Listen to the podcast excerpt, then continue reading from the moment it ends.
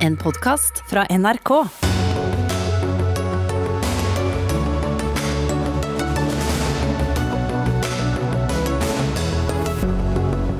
Flere hundre kvinner bare i Norge har rapportert om endring i menstruasjonen etter å ha tatt koronavaksinen. Blir det tatt nok hensyn til kvinnehelse i de kliniske studiene? Kommunistpartiet har hatt makten i Kina i 100 år i dag. Selv skryter de av det store fremskrittet, men hvem har betalt prisen?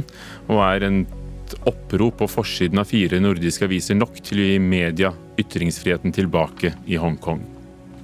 Fem barn og to voksne skulle ta toget fra Bergen til Oslo med sykler. Det ble en vanskelig affære, så en av dem får møte Vy for å høre når det blir enklere. Kildekoden til internett er forresten solgt. Personlig signert sir Tim som skrev den. Er det verdt 50 millioner kroner? Tydeligvis. For noen som kjøpte den på Sotheby's i New York i natt norsk tid. Og vi skal høre hvorfor. Velkommen til Dagsnytt 18. Hodepine, feber, svimmelhet og tretthet. Dette er bare noen av de mange bivirkningene på og av koronavaksinen. Men de siste dagene har hundrevis av kvinner også meldt fra om menstruasjonsforstyrrelser, etter at Aftenposten skrev om fenomenet. Norske kvinners sanitetsforening spør om medisinsk forskning kanskje overser kvinners helse. Steinar Madsen, medisinsk fagdirektør i Statens legemiddelverk. Er det sånn, tror du, at når de kliniske studiene foretas, så er de biologiske forskjellene ikke nok tatt hensyn til? Det er både og. Det er helt klart at I noen tilfeller så eh, får vi ikke med nok kvinner, og de blir ikke godt nok undersøkt. Det er helt klart. Men på andre side så er det klart at kvinner blir veldig godt fulgt opp. F.eks. moderne behandling av brystkreft, som har gjort enorme fremskritt. Og det er jo en lidelse som rammer kvinner. Ja. Eh, Men når det gjelder koronavaksinen, som vi alle blir utsatt for, enten har vært eller blir det i nær fremtid, hvilke rapporter har dere fått når det gjelder dette med menstruasjonsforstyrrelser? Ja, Det har jo vært rapporter i mange land, og vi hadde fått et fåtall rapporter, rundt 50 stykker, før midten av forrige uke. og Da begynte Aftenposten og VG å skrive om dette her. Og etter det så har vi fått flere hundre meldinger om dette. Kan det være tilfeldig? Kan være tilfeldig, men det vil vi selvfølgelig undersøke. Og dette undersøker man også i England og flere andre land, om det kan være en sammenheng. Og hvordan undersøker dere det? Det er mange måter å gjøre det på. Det ene er å se på hvert enkelt tilfelle. F.eks.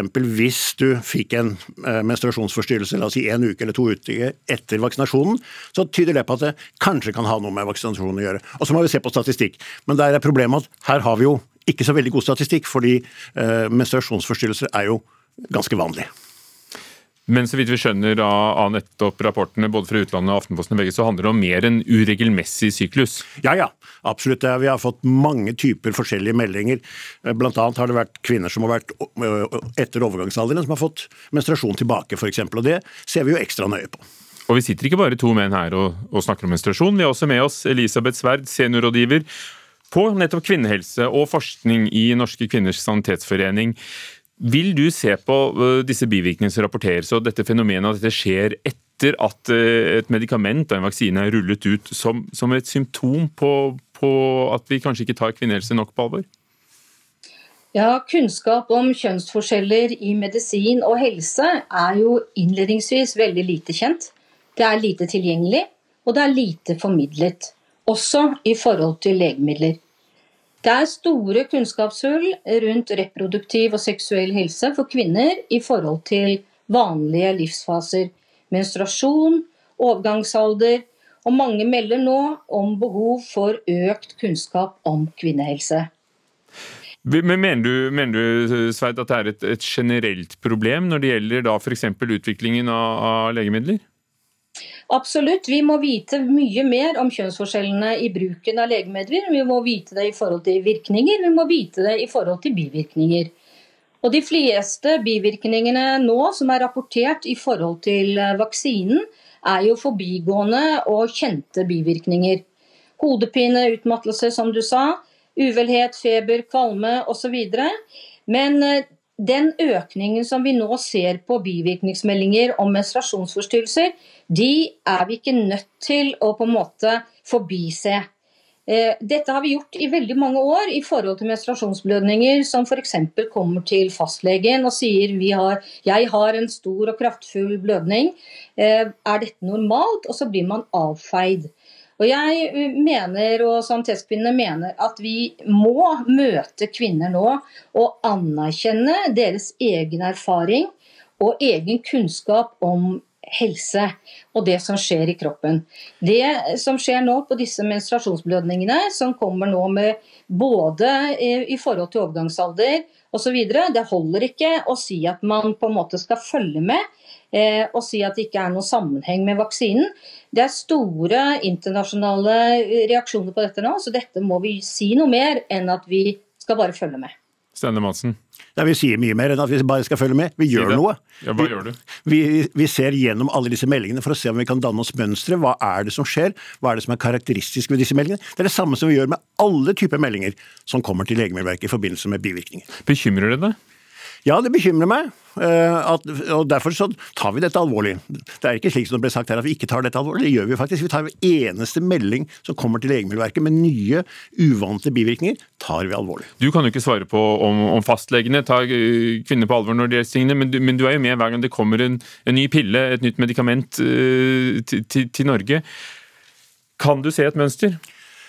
Ja, Både ja og nei. Hvis man går litt tilbake i tid, så var det nok en del forskjeller. Men det har også ofte med at menn og kvinner har litt forskjellige sykdommer. For eksempel, hvis du går 30 år tilbake i tid, så var det kolossal overdødelighet av hjerte-karsykdommer, hjerteinfarkt og hjerneslag hos menn. Og da er det jo for så vidt naturlig at man forsker på den gruppen som har mest av denne sykdommen. Men så har tingene jevnet seg ut, og forskningen er i dag mye, mye mer balansert enn den var tidligere. Og for eksempel når det gjelder disse vaksinene, så har de prøvd ut på nøyaktig like mange menn og kvinner. 10 000 menn, 10 000 kvinner. Og, og hvordan kan det ha seg at dette ikke er kommet med i kliniske studiene og, og stå på pakningsvedlegget? da? Ja, Det er jo en av de mysteriene som vi nå lurer på. Ble ikke dette sett under utprøvingen i det hele tatt? Og Jeg har akkurat i dag gått gjennom lange rapporter for å se om jeg kunne finne spor av denne typen bivirkninger under utprøvingen, og foreløpig har jeg ikke funnet noe. Elisabeth Sverd, ja. Er du fornøyd med svaret? Ja, jeg vil jo si at dette har også litt med status på sykdommer og lidelser å gjøre også. Vi vet jo at alvorlige sykdommer høyt oppe i kroppen rangerer høyest. Og de som kan behandles raskt og har tydelige symptomer, og forekommer i et organ høyt oppe i kroppen, hvor det er bruk av høyteknologisk utstyr f.eks., har høy status. Og jeg er jo litt redd for nå at disse sykdommene og disse lidelsene og disse virkningene egentlig knyttet opp til vaksinen og menstruasjon på en måte skal møtes med en sånn forbigående forklaring om at nei, det har kanskje ikke noe med vaksinen å gjøre, men, men, men, liksom. Og det er noe med den statusen som kvinners sykdom og lidelser har. Og generelt det som er knyttet opp til de reproduktive organene. Vi vet for lite om menstruasjon, vi vet for lite om overgangsalder, og det må vi ta alvorlig. Madsen? Ja, eh, Hvis vi nå ser på bivirkninger av eh, denne vaksinen, så ser vi jo nå f.eks. at det ser ut til å være en eh, overvekt av menn som ganske, kan få en ganske alvorlig bivirkning, nemlig hjerteposebetennelse eller hjertemuskelbetennelse, som ser ut til å ramme nesten bare menn. Og Det er klart at det er forskjeller, men vi tar alt alvorlig. Dette tar vi også selvfølgelig veldig alvorlig. Men Sverd, synes du virkelig det høres som om dette ikke blir eh, rapportert inn og sett på som, som andre rapporterte bivirkninger som ennå ikke var kjente? da? Som det var da, da, det viste seg med noen vaksiner at det kunne føre til en kombinasjon av, av, av farlige blødninger? Mm. Jeg tror at kvinner må opplyses. Jeg tror at vi må oppfordre kvinner til å melde bivirkninger. Det kan jo vi eh, kvinner selv gjøre som pasienter. Det er ikke bare helsepersonell som har plikt til å melde om alvorlige og ukjente eh, og mistanker. Men må klare over at mistanker er et veldig viktig element her. Og vi kvinner kan jo faktisk melde bivirkninger selv via helsenorge.no. Men når det gjelder akkurat det med bivirkninger som går på menstruasjon, kan det være at mange ikke oppfatter dem som så farlige? Altså, Hvor farlige er disse bivirkningene? Ja, det vet vi jo ingenting om.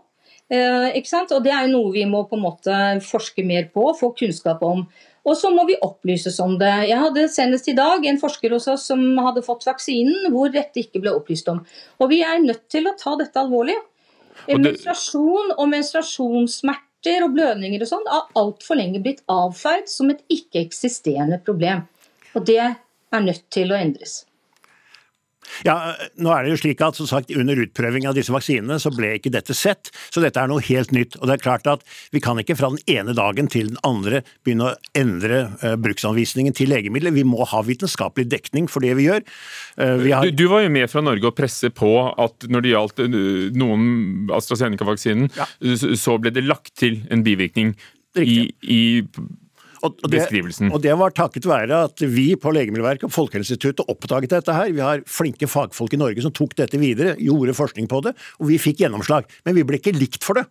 For det var noen som sa at lille Norge ypper seg, men vi presset på, og så ble det innført. Og det rammet også flere kvinner enn menn? Ja, langt flere kvinner enn menn.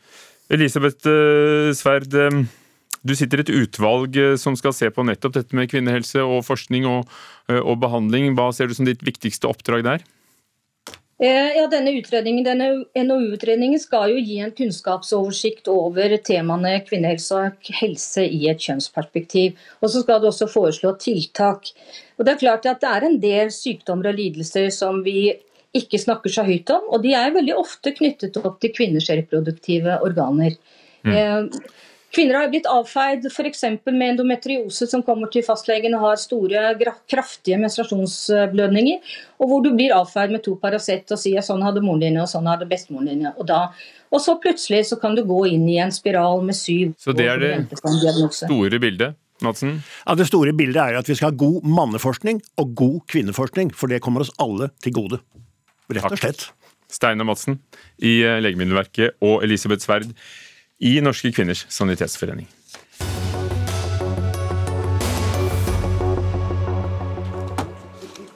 Tidligere denne uken ble det målt uh, høye temperaturer i Lytton i Canada. Varmerekord, faktisk. 49,6 grader celsius. Nå står byen i flammer. Det brenner. I går kveld måtte innbyggerne evakueres, og samtidig forbereder USA seg på skogbranner. Anders Magnus, vår mann i Washington DC.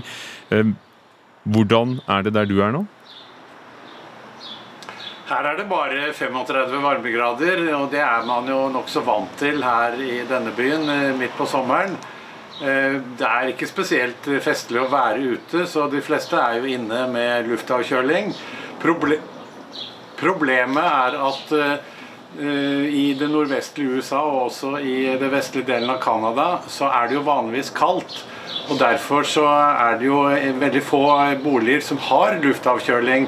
Så der er det mange som lider, og der trenger eh, myndighetene også å opprette egne kjølesentre, så å si, biblioteker og offentlige eh, bygninger. Og, hvordan er, er situasjonen, Anders? Unnskyld, unnskyld, Anders. Hvordan, jeg bare Si litt mer om ja. situasjonen akkurat nå, nordvest i USA og da British Columbia i, i Canada. Ja, Der er situasjonen den at det er fryktelig tørt og det er fryktelig varmt. Eh, nå har eh, varmen begynt å bevege seg litt mer østover, men det som er det store problemet nå, er jo eh, at det ikke har regnet som vanlig i vår. Bakken, gresset og lyngen er jo fryktelig tørt, og det var det som skjedde i bl.a. Lytten, men også 16 andre skogbranner som er oppdaget i eh, Canada.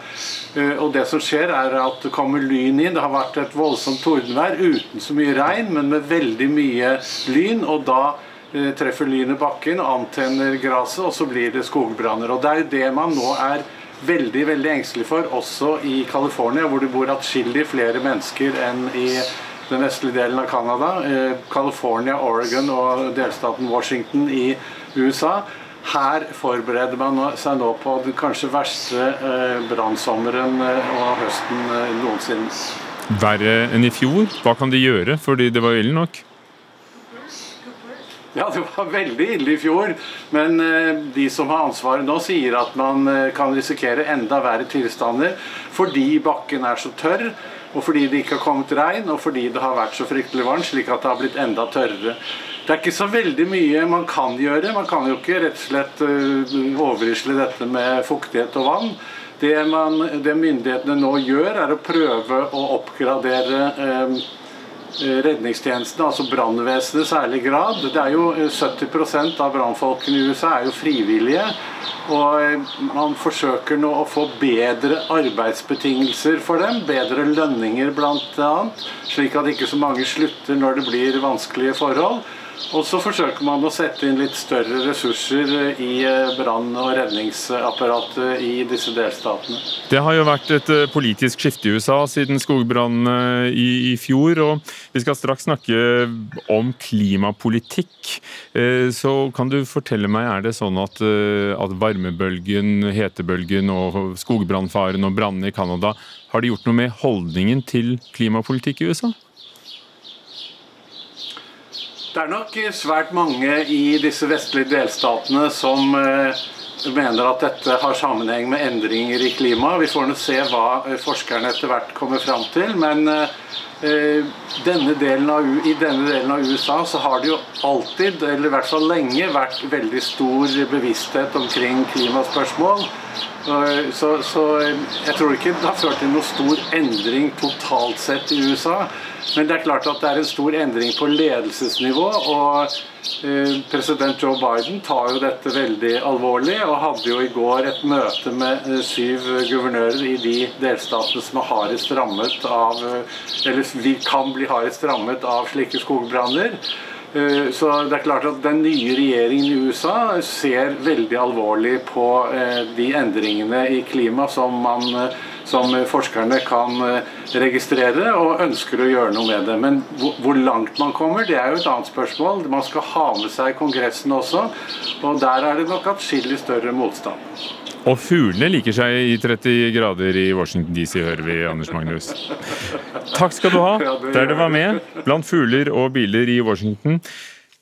Det er jo mange som sier det. I dag er det klimaforsker Bjørn Samset ved Cicero senter for klimaforskning som sier til VG at uh, Klimaendringene gjør at ekstremvær som det vi ser i Canada og USA, blir den nye moralen.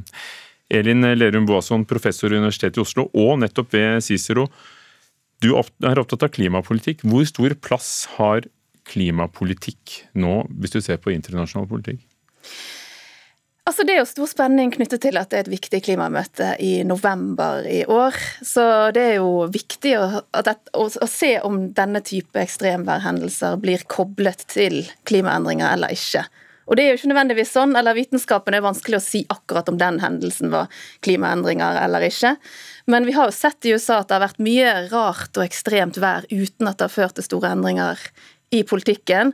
Så jeg tenker at for at sånne hendelser skal føre til Eller forskningen viser at sånne hendelser, for at det skal føre til endring i politikk, så er man avhengig av den politiske stemningsbølgen i landet, at den har endret seg.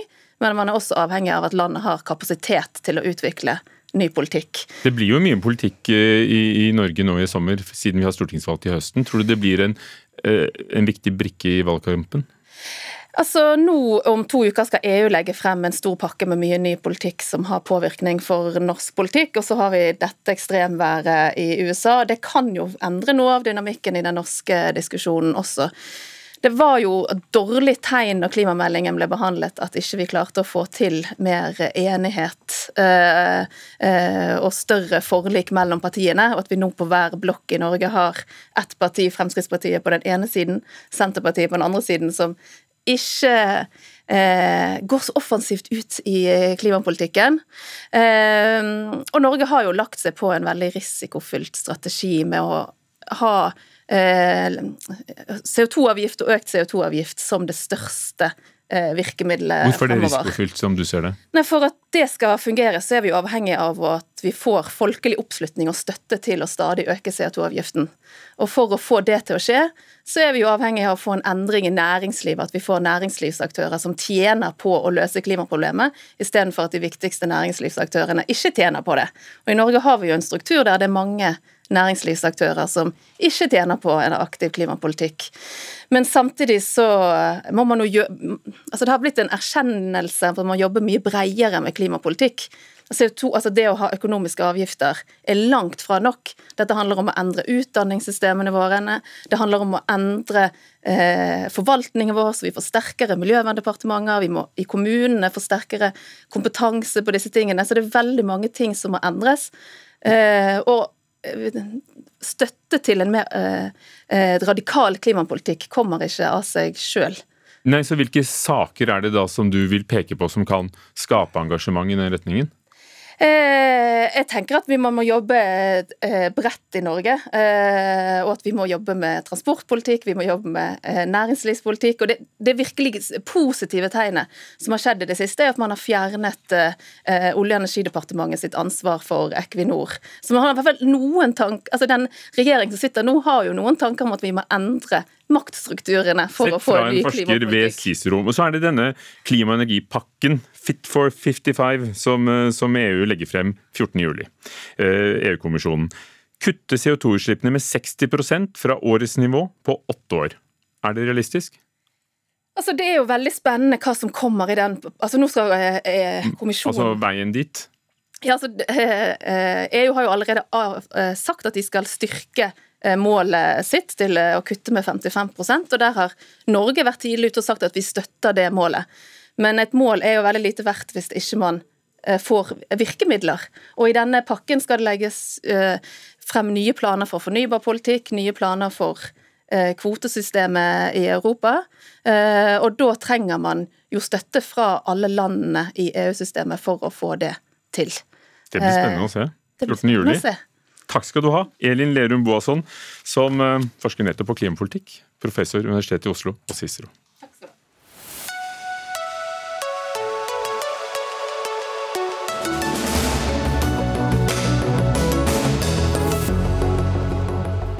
Bislett Games påvirker også Dagsnytt 18, så for de som følger programmet fra fjernsynet, så går det an å flytte fra NRK1 til NRK2 for å følge med Dagsnytt 18. Så vil vi fortsette der, for om noen minutter så, så skifter det over. Eh, Jeg kom i skade for å si at kommunistpartiet har hatt makten i Kina 100 år. Det er ikke sant, men kommunistpartiet er 100 år i dag i Kina. Og det ble feiret med pomp og prakt, med en storstilt seremoni på Den himmelske freds plass i Beijing. Det var helikoptre som fløy i formasjoner og dannet 100-tallet i luften. Folk hadde stått opp midt på natten for å være til stede. Og president Xi Jinping tok eh, podiet foran et jublende publikum. Harald Bøckmann, tidligere forsker ved Universitetet i Oslo, oversetter av kinesisk og sinolog. Ja, du har lest eh, president eh, Xi Jinpings tale. Hva sier han? Ja, jeg skumma så vidt gjennom den, men eh, så Jeg skal ikke prøve å gi noe referat, men det som slo meg litt, var at den var den, den, Det var en del sånne ansatser tilbake til Mao-tida. Og det, det, det, det liksom gir litt av settingen her, fordi det er veldig mye politisk nostalgi som kommunistpartiet spiller på, inkludert Mao. Den røde perioden som egentlig var ganske, på mange måter, rent menneskelig sett, og dels politisk, ganske katastrofalt. Men han endte nå talen på vanlig, som maoistisk vis, og sier at det lenge leve det det, det rett med Nei, Zhengqie, hva heter det? Altså det, det store og det, det, det korrekte kinesiske partiet, kommunistpartiet. Her er vi flere som snakker kinesisk i Ja, ja, studio. Henning Christoffersen. Kristoffersen også. Og så får vi med sjefredaktøren i Aftenposten, Trine Eilertsen, snart. fordi der er det trykt et stort opprop på hele forsiden for ytringsfrihet i Hongkong. Det kommer vi tilbake til. Eh, Harald Bøckmann, det var noen kraftsalver mot, eh, som han sa, de som våger å pelle Kina på nesen? Ja, det er jo en del av det nåværende bildet. Altså Det er en slags tofrontskamp, eller offensiv nærmest, som kommunistpartiet kjører. Innad i forhold til uh, sånne oppsetsige uh, minoritetsfolk som uigurer, f.eks. Og eh, Hongkong-befolkningen, om jeg må si det, iallfall storparten av den, som eh, gjerne vil eh, fortsette å ha sin autonome rettigheter som de har etter hadde ut fra eh, avtalen i 97. Eh, og så har du den internasjonale situasjonen da, der hvor eh, på en måte Biden han har, vel, han har vel tatt med seg en av Eller kledd på seg en del av klærne til Trump når det gjelder Kina. Sitatet var i den oversettelsen jeg har lest. De som våger å mobbe Kina, vil få knust skallen til blods mot en stålmur av 1,4 milliarder kinesere. Er det sånn som går hjem i befolkningen? Nei, den var, den, den var liksom en ny klasse. Så det, hvis det er liksom budskapet fremover, så er det ganske dårlig tegn, for å si det sånn, på tilstanden, altså den politiske eh, kan du si, atmosfæren i, i Kina. Det, det overrasker meg faktisk.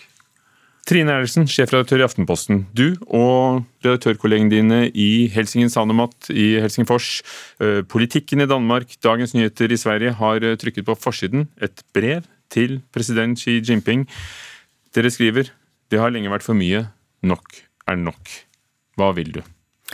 Du, Vi eh, begynte å diskutere dette på mandag eh, etter eh, angrepet på Apple Daily, mediehuset i Hongkong, om vi som mediehus skulle markere at det som skjer med pressefriheten i Hongkong nå er helt spesielt alvorlig. Det har jo skjedd veldig mye i Hongkong det siste året, og nå er dette på en måte en ny, ny fase der du ser at en av de viktigste institusjonene for at du skal overhodet kalle noe demokrati, nemlig pressefrihet, er i ferd med å bli ødelagt. Eh, og vi ble enige om at eh, så mye skjer, så mye glir over i hverandre. Skal vi markere at dette er spesielt viktig, så er dette en måte vi kan gjøre det på. Eh, markere at det er viktig, og vise solidaritet med våre kolleger i Hongkong. Redaktører, journalister, medieeiere som faktisk er blitt arrestert og utsatt for razzia og det som vi ikke ønsker oss i et sted der du har pressefrihet. Og Siste eksempelet var da Apple Daily, hvor det nylig var en razzia. Alle pengene ble fryst. De avsluttet med et kjempeopplag på siste dagen, og så måtte de gi seg, for det var ingen annen vei. Henning Christoffersen, forsker ved Universitetet i Oslo, spesialrådgiver ved The Governance Group, og du har lang erfaring med Kina. Um, hvordan tror du Kina reagerer på kritikk som, som det de ser på nordiske aviser? Altså De blir opprørt over fredsprisen? Mm. Nei, nå må jo være litt Jeg har ikke så store håp om at Trine Eilertsen klarer å endre politikken i Beijing, men det bør jo ikke bety at det er en eh, mindre viktig markering. Det som skjer i Hongkong, det er jo eh, veldig spesielt, og nå har Beijing bestemt seg at eh, nå, nå kjører de en knallhard linje. Det begynte jo med krav altså det begynte jo med at man skulle innføre en utleveringslov. Og så fikk du protester i nesten et par år. Og når Beijing først har bestemt seg, da er det ingen vei eh, tilbake. Så nå går det feil vei på en rekke parametere i eh, Hongkong. Så man kan kanskje si det så enkelt som at når når, når, folk i Kina, om det er minoriteter eller, eller, andre, ønsker noe mer enn økonomisk vekst, da går det ofte litt i svart for styresmaktene i Beijing. Og Svaret blir alltid ja, men vi investerer jo, vi får jo til masse. Vi får til økonomisk vekst og muligheter. Og Hvis noen da sier ja, men vi kunne tenke oss et par andre ting, eh, ytringsfrihet, eh, frihet til å markere ting i gatene osv. Videre, og, så og de, hadde, de har jo hatt det inntil nylig? Det har de hatt eh, inntil nylig. Og, I Hongkong, altså? I Hongkong, absolutt, ja. Mm. Eh, dette er også dagen for overgivelsen av, av Hongkong som koloni fra Storbritannia til, eh, til, Kina. En dag som vanligvis markeres med protester. I år var det for første gangen stille etter at dette skjedde i 97, var det ikke det? Jo, 97. Um, har du håp Trine Eilertsen, om at, at, dette skal få noen til å reagere? At det i hvert fall blir rapportert hjem fra ambassaden da, at dette blir skrevet i Norden? Ja, altså Vi har jo ingen illusjoner om at uh, kinesiske myndigheter tenker oi, det, det her er noen nordiske redaktører som har truffet spikeren på hodet, vi må endre atferd. Det, det, har vi ikke. Så Dette er jo først og fremst for å markere at saken er viktig, og for å vise støtte til eh, de redaksjonene som er igjen i Hongkong, og som eh, står ganske alene nå uh, mot en stor overmakt. Men det er, jo, det er jo fascinerende å se nettopp det som Kristoffersen er inne på, at jo, jo høyere protestene blir, jo hardere blir jo motangrepene og jo raskere går utviklingen i en retning som som mange i Hongkong, og særlig da i hvert fall mediefolk, ser at de kan ikke leve under sånne rammebetingelser hvis de skal kunne utøve yrket sitt. Mener du, Er det et spark til norske myndigheter? Mener du at eh, regjeringen vår skulle skrevet dette brevet? Altså, Norske myndigheter og norske partier og norske bedrifter og norske organisasjoner og medieorganisasjoner vi har jo eh, forskjellige roller. Eh, så det er jo lett å forstå at de ikke kan skrive brev som, eh, som en redaksjon gjør. Men det går jo det går an å være tydelig likevel. Men vår rolle er i hvert fall å skille oss fra alle avhengigheter og alle andre vurderinger og taktiske vurderinger, og bare si at vi ser urett, og det må vi påpeke, og det må vi dekke, og det må vi skrive og vise frem. Henning Kristoffersen, er det ikke et stort paradoks? Dette er kjempeøkonomi som investerer over hele verden. Vi handler med dem, vi, eh, vi, vi reiser dit, vi, vi driver politikk. Og, og, likevel er det helt troverdige rapporter om undertrykkelse av uigurene. Det er helt åpenbart hva som skjer eh, i Hongkong. Mm. Hvorfor finner ja. vi oss i det? Nei, dette er, dette er jo et uh, stort dilemma. For på den ene siden så, du, uh, så blir uh, Kina De blir mer eh, innovative. Eh, de gjør teknologiske fremskritt. De har en økonomisk vekst som gjør at de har en stor middelklasse og et stort marked. Og de er også et stort produksjonsland. Og en mengde av de greiene vi bruker hver dag, er lagd i Kina. Men for et norsk selskap innenfor maritim sektor, innenfor shipping, hvor vi har verdensledende selskaper Hvis de selskapene skal fortsette å være verdensledende, så er det nesten umulig å tenke seg at ikke de skal øke samarbeidet med Kina, der, skiper, der brorparten av skipene blir Eh, produsert. Så På den ene siden så øker behovet for å være i Kina og samarbeide med Kina, og parallelt med det så blir Kina mer autoritære. Og Det er et kjempedilemma, hvordan vi skal forholde oss til eh, Kina fremover. Det, det, var jo på en måte ikke planen fra Vesten. Eh, det var jo Tanken og visjonen var jo at Kina skulle sammen med veksten kanskje åpne litt mer opp og bli mer demokratisk. og Så har man sett at den veien har det ikke gått, men så er avhengigheten blitt sterkere og sterkere. Nå svarer Kinas ambassade Aftenposten, har du lest svaret allerede? De er sjokkert allerede, ja. over innholdet? De er sjokkert, ja. De, de, er egentlig vi er overrasket over at Og tar sterk avstand fra påstandene? Ja, at ikke ordbruken var enda sterkere. Det hadde vi nesten ventet. Så, hadde, ja. Hva hadde du ventet, eh, Harald Bøckmann, fra Kina etter, eh, etter en sånn offentlig ytring? At eh, de skulle holde kjeft, for det er det det, det vanlige gjør. Og det at man ved en par anledninger nå har gått inn i jeg vet ikke om man kan kalle det dialog, men iallfall uttaler seg, det kan du tolke på to måter. En at eh, de vil gjerne prøve eh, innenfor sine rammer å få en dialog, men du kan også se det på som et utdrag av denne såkalte eh, ulvekrigerdiplomatien. Altså at kinesisk diplomati er blitt ganske mye mer aggressivt de siste seks-sju åra. Da du begynte å interessere deg for, for Kina, Harald Bøckmann, når, når reiste du første gang? I 1970. Og vi sitter her fordi kommunistpartiet fyller 100 år. Hadde du sett for deg den utviklingen som er. På den ene siden at Kina ble en økonomisk stormakt, og på den andre at, eh, at kommunistpartiet ble staten fullt og helt. Altså, vi var, dro jo dit som uh, unge revolusjonære og skulle studere de store seirene under kulturrevolusjonen.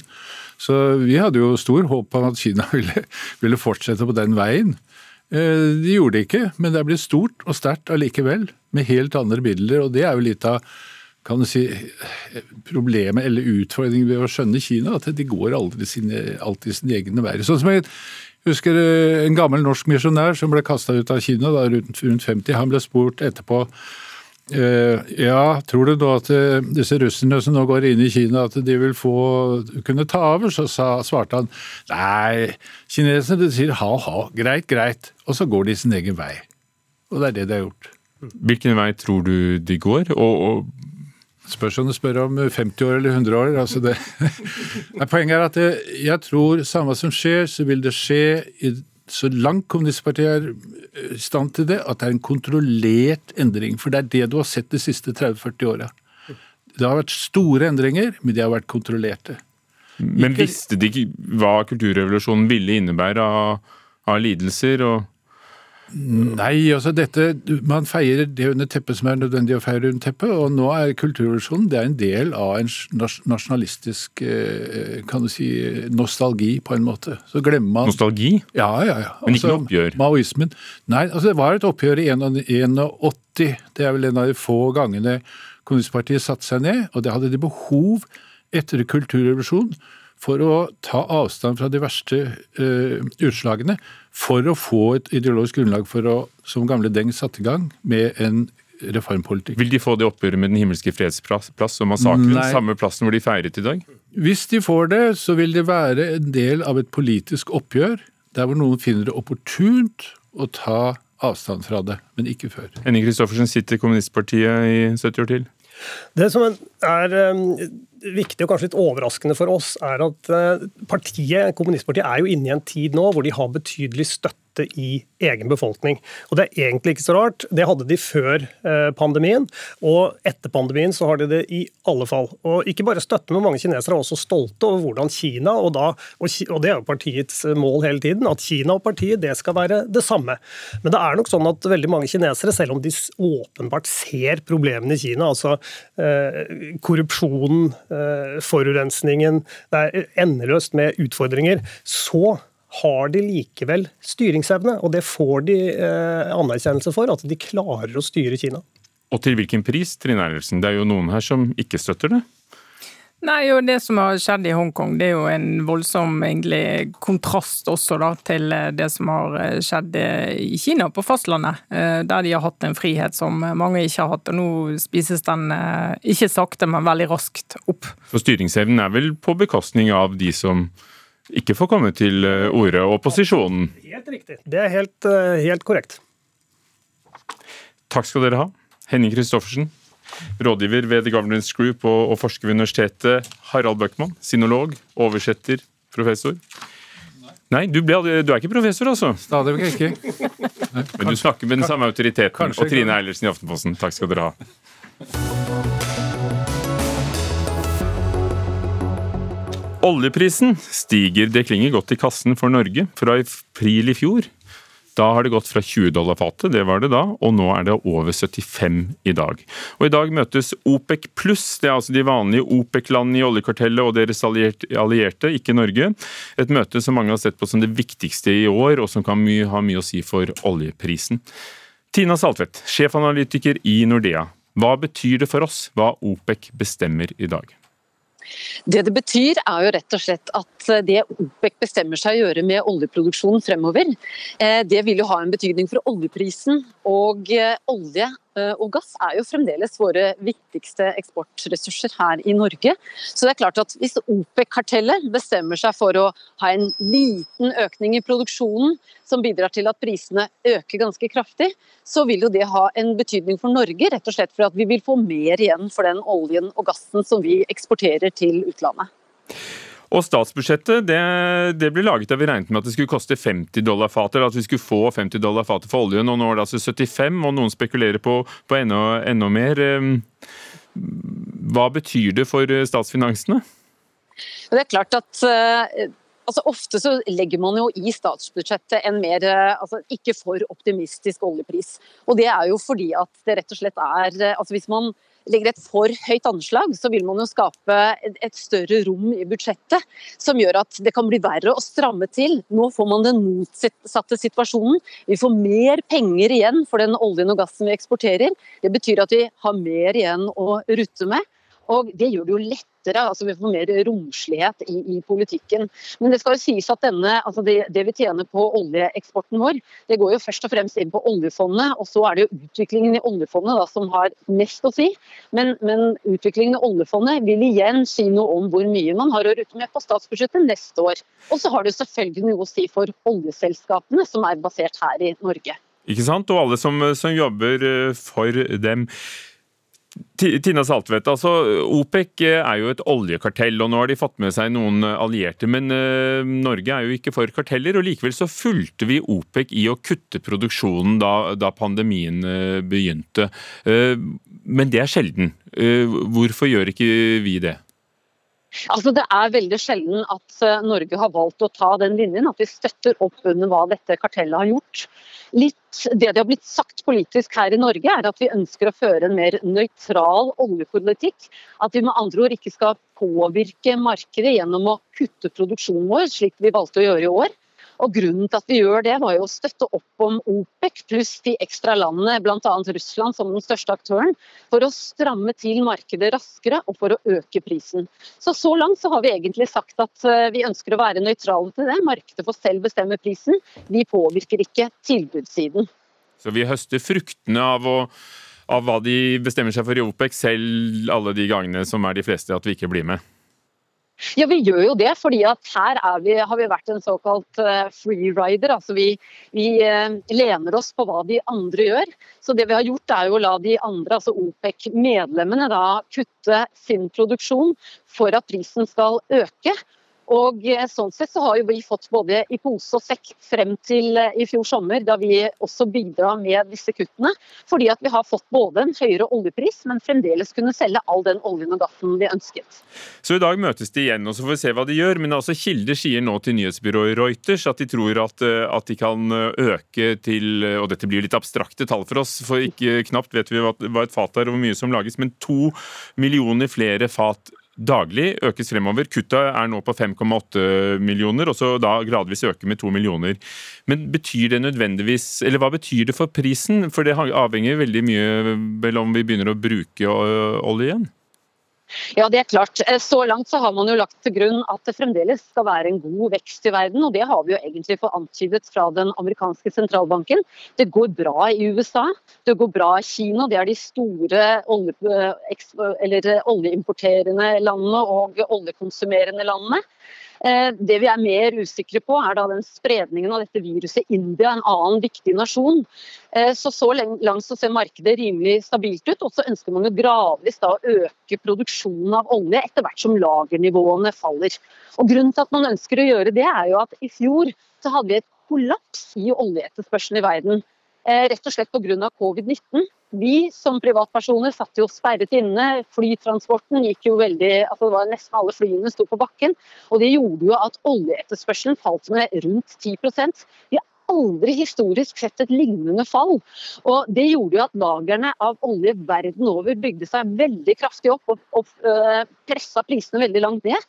Faktisk så opplevde vi at prisene ble negative en dag i USA, fordi at uh, det, man klarte ikke å bli kvitt oljen raskt nok. Så det man gjør nå, det er jo etter hvert som verden åpnes opp igjen, vi trenger mer olje til øh, bl.a. transportsektoren, så må man jo da også bygge ned lagrene, så man trekker ned lagrene. Eh, og så gradvis øke produksjonen, sånn at det blir bedre balanse i markedet. Men det er vanskelig. Ja, Tina Saltvedt, eh, med all din erfaring eh, som analytiker og, og, og har fulgt energimarkedet i hele karrieren, nå er prisen 75,7 dollar fatet. Tror du på det noen The Economist f.eks. spekulerer i at det kan komme opp i 100 dollar fatet? Ja, I og med at jeg har vært i oljemarkedet så mange år, så skal jeg i hvert fall aldri si aldri igjen. Eh, det har jeg prøvd på før, og, og det gjør jeg ikke igjen. Den kan selvfølgelig komme opp i 100 dollar fatet, men den kan også falle. Fordi Et viktig moment her nå, det er jo nettopp Iran. Iran har hatt strenge sanksjoner mot sin oljeproduksjon i flere år nå under Donald Trump. Og det man spekulerer i nå er om USA med Biden vil lette på de sanksjonene. Og Da kan det raskt komme 1-2 millioner fat til inn i markedet.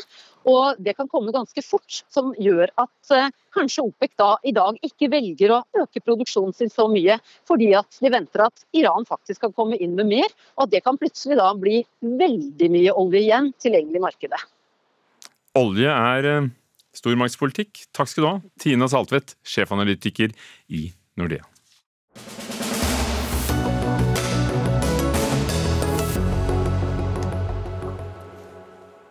Er det verdt 50 millioner kroner, nesten 5,2 millioner dollar, siden vi snakker så mye amerikanske dollar, for kildekoden til eh, internett? Torgeir Waterhouse, hva tror du?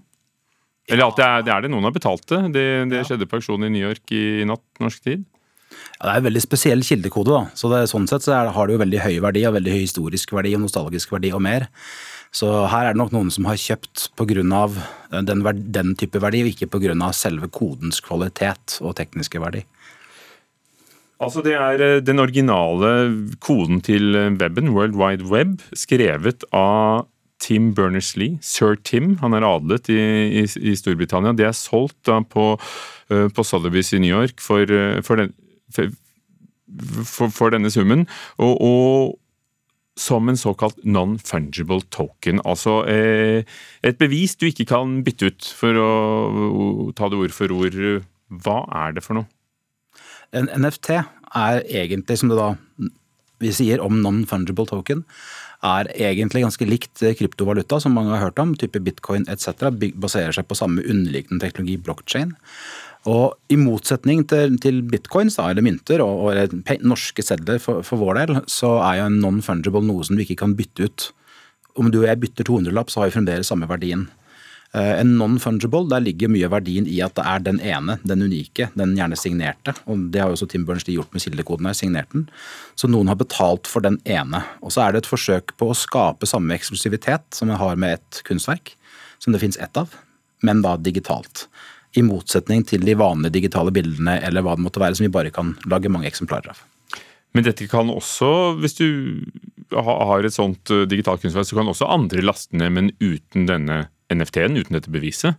Helt riktig, for det er det beviset som beviser at det er din. Det er den unike. Den, det som gjør den unik. Og folk betaler jo dyre dommer. altså Forbes har anslått dette markedet til, til kunst i form av disse NFT-ene, akkurat som denne kildekoden, til 400 milliarder dollar innen tre år. Eh, men hvorfor gidder folk det? For kjøper du en Picasso eller Munch, så har du jo det ene verket. Her så har du det beviset på at du har betalt, men alle andre kan laste ned akkurat samme verket.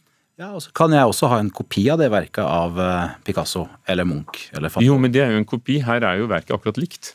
Ja, jo, det er en kopi, men, men, det sier kanskje mer om vårt forhold til kopier og representasjon, og hva de som betaler for noe dyrt, syns verdien er. Og hvor verdien ligger. Om jeg kommer hjem til deg, og, og, og, du har en Picasso på veggen, så er sannsynligheten ganske stor for at ikke jeg kan se om det er nekter om det er en kopi. Og, og, sånn er det med det digitale også. Eh, er det en dårlig kopi? Selvfølgelig vil jeg se det, men ikke ellers. Og Det interessante her, og det er sånn som også med kryptovaluta, det gjenstår å se også om dette bare er en hype som kollapser fullstendig. Eller om det faktisk er et system som gir verdi over tid, og hvor folk fortsetter å investere i disse unike objektene for å ha den ene som over tid kan stige i verdi. Sånn som tradisjonelle kunstverker. Hvis, eh, hvis, du var den som hadde kjøpt dette for 5,4 millioner dollar, er, er, den riktige summen, eh, hvordan får du sett på det? Eller et annet kunstverk som mm. NFT, hva, hva gjør du med det? Du har det. Du kan jo vise det fram på en skjerm. Ja, men du, du, må ha en PC og en skjerm installert? Ja, Du må ha en skjerm, det er, for det er jo noe digitalt. Så for å kunne se dette, så må du ha en skjerm du kan vises frem på. Så, så det, Sånn sett så kan du godt si at uh, den praktiske opplevelsen hjemme hos deg eller meg eller noen andre, den ville være veldig lik hvis vi bare gikk og fant et bilde på nettet eller tok et bilde selv. Så Sånn sett så, så er det ikke noe, noe, visuelt nødvendigvis som er forskjellig. Noen har jo forsøkt seg på å lage den ene kopien og bare passe på at den ikke blir kopiert, så det bare skal finnes én digital versjon. Så gjenstår det å se som sagt hvordan dette utvikler seg. Men det er jo samtidig noe spesielt nå med disse 5,4 millionene, fordi det er webens kildekode. Det er et ja. stort og Jeg tenkte vi skulle bare komme litt inn på det. Sir Tim, hvem er han, hva gjorde han da han skrev dette?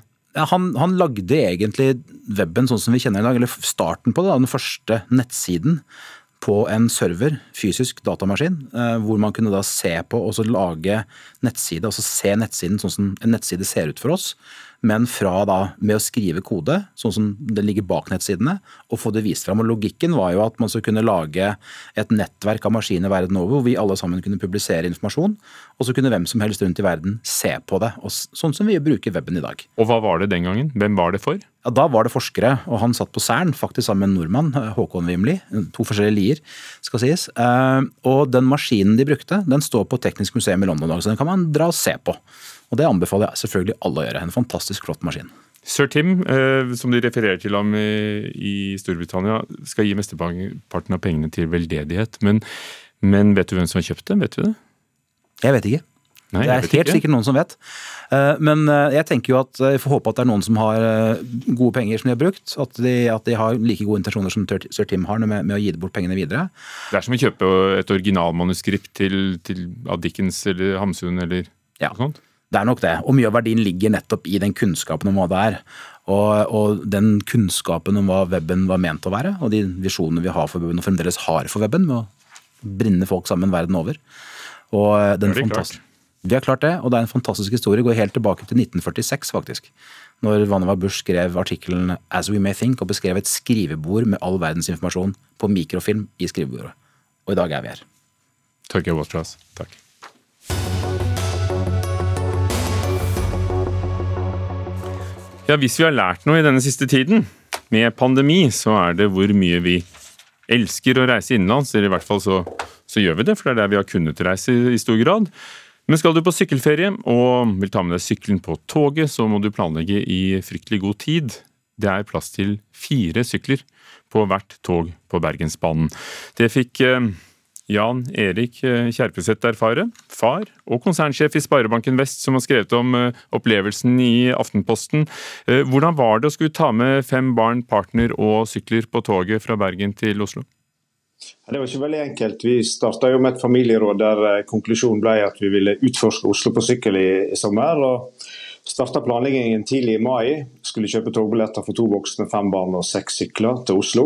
Eh, og Det eneste alternativet som kom opp, det var et tog som var framme halv ett om natta, og med retur 06.25 eh, på returen. Så innsjekk halv to om natta i Oslo er vel så langt unna familieidyll som det er mulig å komme, med en treåring spesielt. Så vi, vi sjekka jo da Eh, alle eh, ruter i en treukersperiode, men med samme resultat. Eh, og Vi trodde oppriktig at dette var feil, så vi heiv oss på sykkelen inn til Bergen togstasjon for å snakke med noen. og der møtte vi en brydd Vy-ansatt som kunne fortelle at uh, i fjor hadde de kapasitet på seks eller fem sykler per tog, uh, og var gått ned til fire sykler i år.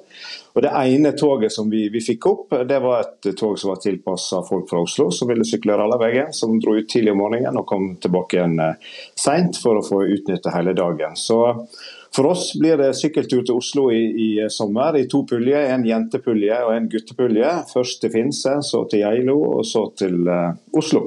Og tilbake igjen til Bergen. Dere gir dere i hvert fall ikke. Yvonne Torgersen eh, Hetlevik, regiondirektør for Vy Tog Vest, altså med ansvar for Bergensbanen. Skal det være så vanskelig for fem eller fire sykler? Det er likevel veldig få i forhold til antall sitteplasser på et tog? Nei, det, det, burde ikke vært så vanskelig, men uh, det er klart at Bergensbanen er en, en gammel togstamme, uh, og vi har begrenset kapasitet i godsvognene våre. ja, det, det fem, hører vi. 54 ja. sykler. Jeg husker en tid hvor det var reisegods. Det opphørte i 2000. Da leverte sykkelen mm. på stasjonen, og den dukket opp på perrongen ved ankomst. Mm. Altså, Det gikk an for 20 år siden. Ja, vi vi ser jo også at tilbudet er der, og vi ønsker å gjøre vesentlige bedringer på det. Så vi har nå kjøpt åtte kombinasjonsvogner som vi skal sette i gang i begynnelsen av 2022. Så da kan Jan Erik Skjerpeseth han kan få være med hele familien sin inn i én vogn, og med totalt elleve sykler. Så seks eh, familier og elleve sykler. Så vi kan reise hver dag på alle våre vogner, eh, avganger. Ja, ja dere, var, dere var ute i dag etter denne kronikken. Dessverre ikke i dag. Ja, Dere var ute med den kronikken eh, i Aftenposten, et tilsvar, og, og, og sier dette på sosiale medier. Men uh, Kjerpeseth, syns du det, syns du det er, eh, er, fint å vente til 2022 for å få reist i pulje? Jeg syns det er veldig bra at vi anerkjenner at her er det rom for forbedring. og så er jo kanskje ikke vår familie det viktige poenget mitt. Det viktige poenget mitt er jo at Bærekraft er vår tids store utfordring. Eh, vi snakker om bærekraftig turisme overalt. Og, og kun 9% av oss eh, i Norge i hvert fall uttaler at en skal reise til utlandet i år. Så dette hadde vært en utmerket anledning i år til å La folk få lov å oppleve Norge på sitt beste. og, og Sykkel og tog er jo noe av det aller mest bærekraftige. og, og Bergensbanen er indrefileten i, i forhold til turiststrekninger i Norge. Så jeg er redd for at i år reiser folk med bil, og så flyr de igjen til neste år. Og så mister vi en unik mulighet til å utvikle eh, bærekraftig turisme, som vi har hatt en unik mulighet til disse to siste årene. da. Yvonne Tørgersen Hetlevik i, i Vy. På Bergensbanen går det jo togsett med klassiske vogner, går det virkelig ikke an å hekte på en vogn til i sommer med, med litt mer rom?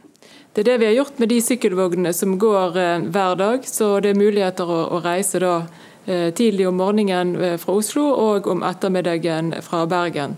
Og Der er det plass til 174 vogner, så det er helt fullt mulig å forflytte seg i regner jeg men, men, det var det som var så fryktelig tidlig og, og så fryktelig sent fordi det er beregnet for Rallaveggen, er det ikke sånn? Ja da, men det, fullt, eh, men det er jo et eh, tilbud som er veldig ettertraktet, og, og vi ser at det er, det er mange av våre gjester som, som syns det er et godt tilbud. Det er jo blitt så, sånn at vi har uh, unnskyld at jeg avbryter men vi har flere som skal med. For det er jo blitt sånn at vi har fått så mange som kjører tog på norske skinner. Eh, og, og For å høre litt hvordan det er også på andre baner. Uh, Hilde Lyng, markeds- og kommunikasjonssjef i SJ Norge. Uh, dere kjører Dovrebanen. Hvordan ville det vært hos dere å tatt med seg fem barn, to voksne og sykler? Det er nok ikke så veldig forskjellig fra hvordan det er på Bergensbanen. Eh, det er jo de samme type togsett som går på Dovrebanen som vi gjør på Bergensbanen.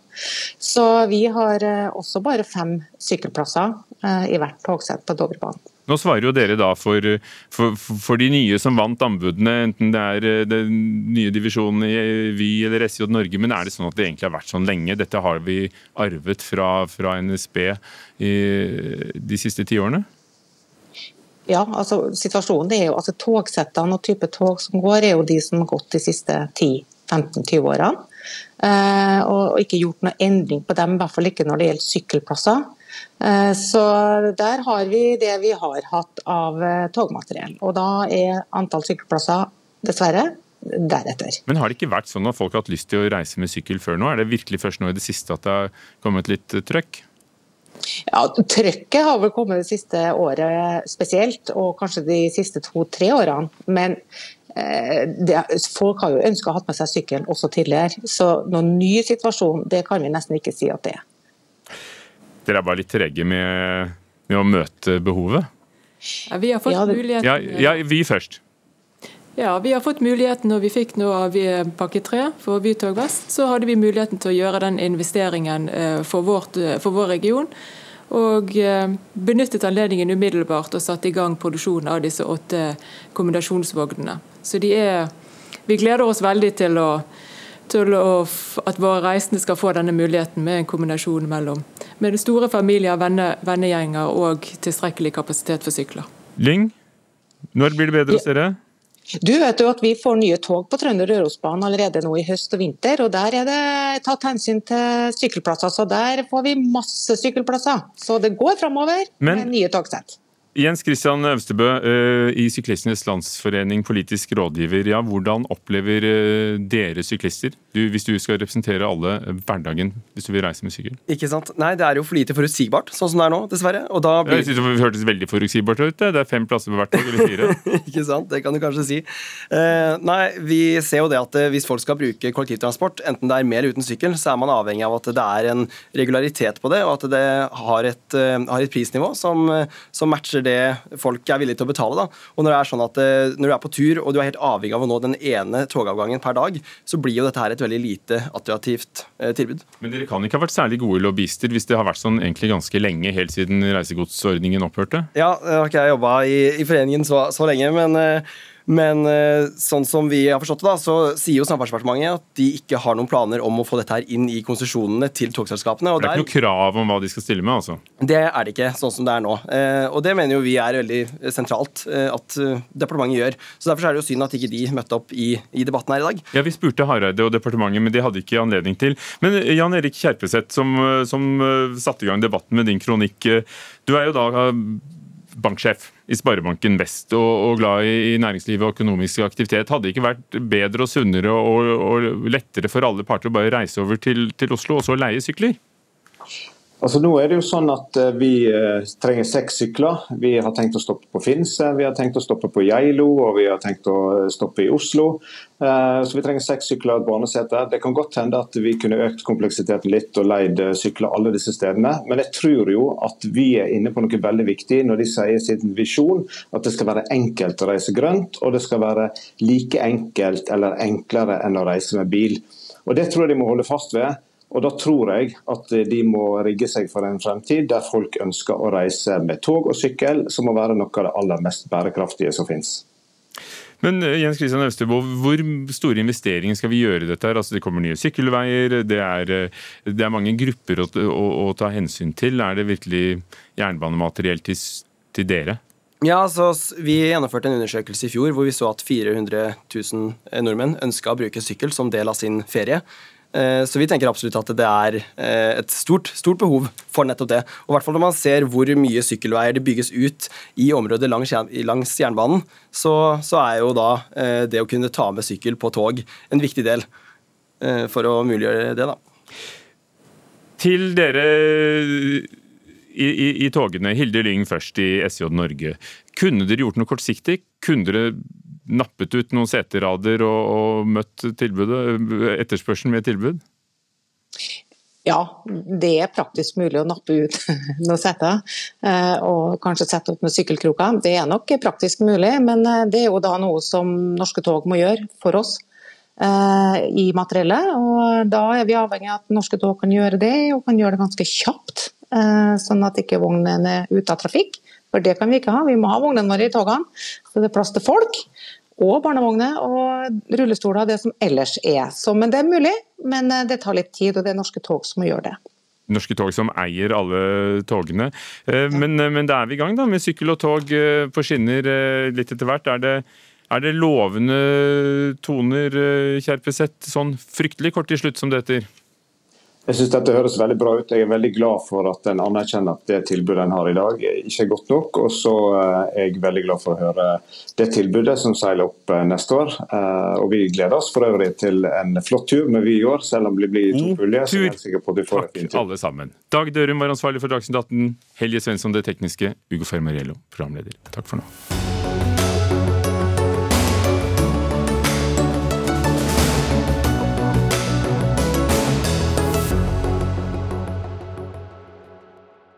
Du har hørt en podkast fra NRK.